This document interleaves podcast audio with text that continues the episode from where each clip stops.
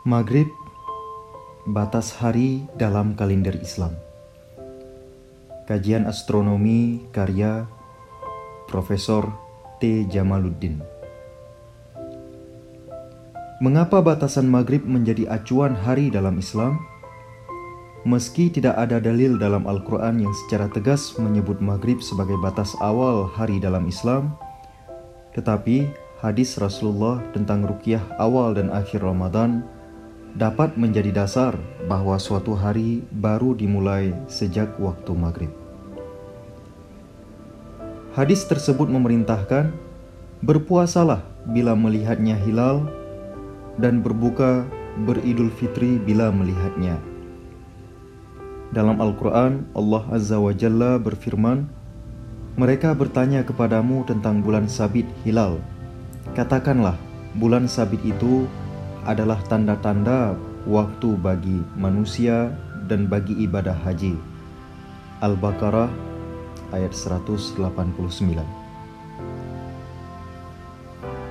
Rukyat hilal yang dapat meyakinkan telah masuknya bulan baru adalah rukyat pasca waktu maghrib. Ketika telah terlihat hilal, maka saat itulah awal bulan berlaku. Jika hal tersebut adalah pada awal Ramadan, maka malam itu salat tarawih akan ditegakkan dan amalan Ramadan dimulai. Lalu puasa dimulai sejak waktu subuh hingga menjelang waktu maghrib. Kalau saat itu adalah awal bulan Syawal, maka salat tarawih tidak akan lagi dilakukan dan berganti dengan gema takbir menyambut hari raya Idul Fitri. Jadi, Tanggal awal sebuah bulan bermula adalah saat maghrib. Hari pun bermula di waktu maghrib. Sehingga dalam konsep Islam, Kamis malam adalah malam Jumat karena hari dimulai saat maghrib. Inilah awal mula dari pemahaman sebuah ungkapan penunjuk hari yang sudah lazim dan memasyarakat di Indonesia tersebut. Ketika ilmu hisab, perhitungan astronomi berkembang, Batasan maghrib pun telah dijadikan rujukan awal hari. Posisi bulan saat waktu maghrib menjadi rujukan dalam penentuan masuknya awal bulan dalam konsep Islam. Beberapa kriteria klasik menggunakan batasan maghrib untuk menandai awal bulan. Misalnya konsep ijtimak qabla al konjungsi bulan matahari sebelum maghrib, dan wujudul hilal, hilal dianggap wujud atau sebagian piringan bulan masih di atas ufuk saat maghrib. Kriteria visibilitas hilal atau imkan rukyat kemungkinan tampaknya hilal menggunakan posisi bulan saat maghrib dengan syarat ketinggian tersebut atau parameter lainnya sebagai syarat masuknya awal bulan. Pengamatan hilal pada siang hari. Mengenai masalah penentuan awal bulan Qamariyah Hijriyah, khususnya untuk bulan Ramadan, Syawal dan Zulhijjah, tidak terlepas dari upaya pengamatan rukyat hilal sesuai dengan apa yang telah dicontohkan oleh Rasulullah Sallallahu Alaihi Wasallam. Rukyat selalu dilaksanakan sesudah maghrib. Hilal adalah bulan sabit pertama yang teramati sesudah maghrib. Namun, pengamatan hilal yang muda sangat sulit karena hilal yang sangat tipis itu sering kali terganggu oleh cahaya senja syafaq akibat hamburan cahaya matahari oleh atmosfer. Mengapa hilal yang dijadikan penentu awal bulan walaupun itu sulit diamati? Logika astronomis bisa menjelaskan konsep ini. Hilal adalah penanda yang mudah dikenali untuk mengetahui bahwa malam itu adalah mulainya bulan baru Malam-malam sebelumnya ditandai dengan bulan sabit tua yang tampak pada pagi hari. Lalu dilanjutnya malam tanpa bulan dark moon atau bulan mati baru kemudian malam dengan hilal. Isyarat di dalam Al-Quran menempatkan hilal sebagai penentu awal bulan. Quran Surat Al-Baqarah ayat 189 Selain adanya perintah Rasulullah Shallallahu Alaihi Wasallam, sumu liru'yatihi. Berpuasalah bila melihatnya hilal. Hilal adalah bulan sabit pertama yang dijadikan sebagai penanda awal bulan Hijriah. Itulah contoh Rasul yang sekaligus menjadikan awal hari dan tanggal dalam Islam adalah saat maghrib. Setelah hilal teramati, maka berarti malam itu adalah dimulainya bulan baru. Kalau itu hilal awal Ramadan, maka semua ritual Ramadan dimulai saat itu pula. Salat tarawih dan sahur adalah ritual khas Ramadan yang dimulai sejak malam terlihatnya hilal. Saat ini, dengan perkembangan teknologi pengamatan, bulan sabit bisa teramati pada siang hari. Teknik yang umum dilakukan adalah menghalangi cahaya matahari dengan alat penutup terpisah dari teleskop atau dipasangkan pada ujung teleskop, seperti yang dilakukan oleh Martin Elsasser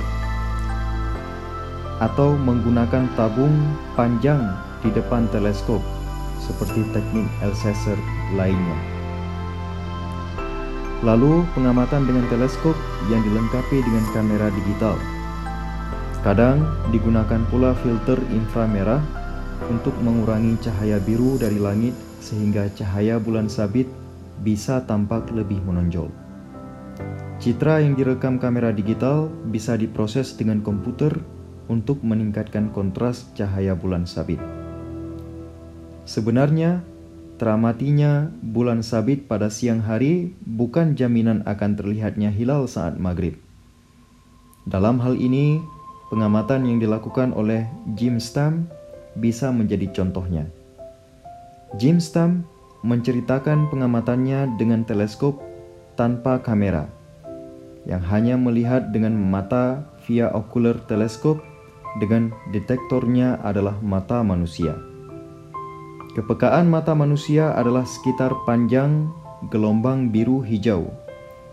Pada siang hari pukul 13.00 dengan langit biru yang cerah deep blue, bulan sabit tidak terlihat.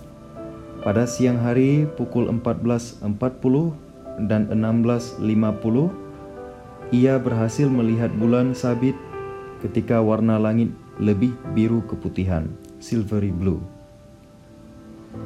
Bulan sabit masih teramati sampai jam 17.10. Setelah itu tidak teramati lagi. Dia bertanya, "What did happen?" Are the colors deceiving my expectations of contrast? Is there a filter quality of the atmosphere that may be enhancing the contrast at lower altitude? Is there some kind of relationship between scattered sunlight and the reflected light of the crescent? Apa yang telah terjadi? Apakah warna-warna menipu ekspektasiku dari kekontrasan?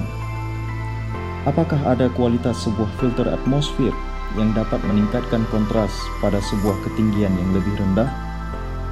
Apakah ada beberapa hubungan antara sinar matahari yang tersebar dan sinar matahari yang terefleksi bulan sabit? Penjelasan tentang ketidakberhasilan rukyat pada saat maghrib, walau siang harinya terlihat adalah dikarenakan pengamatan hilal adalah masalah kontras antara bulan sabit dan cahaya latar depan. Pada pukul 13.00, cahaya bulan sabit masih kalah dari cahaya langit biru.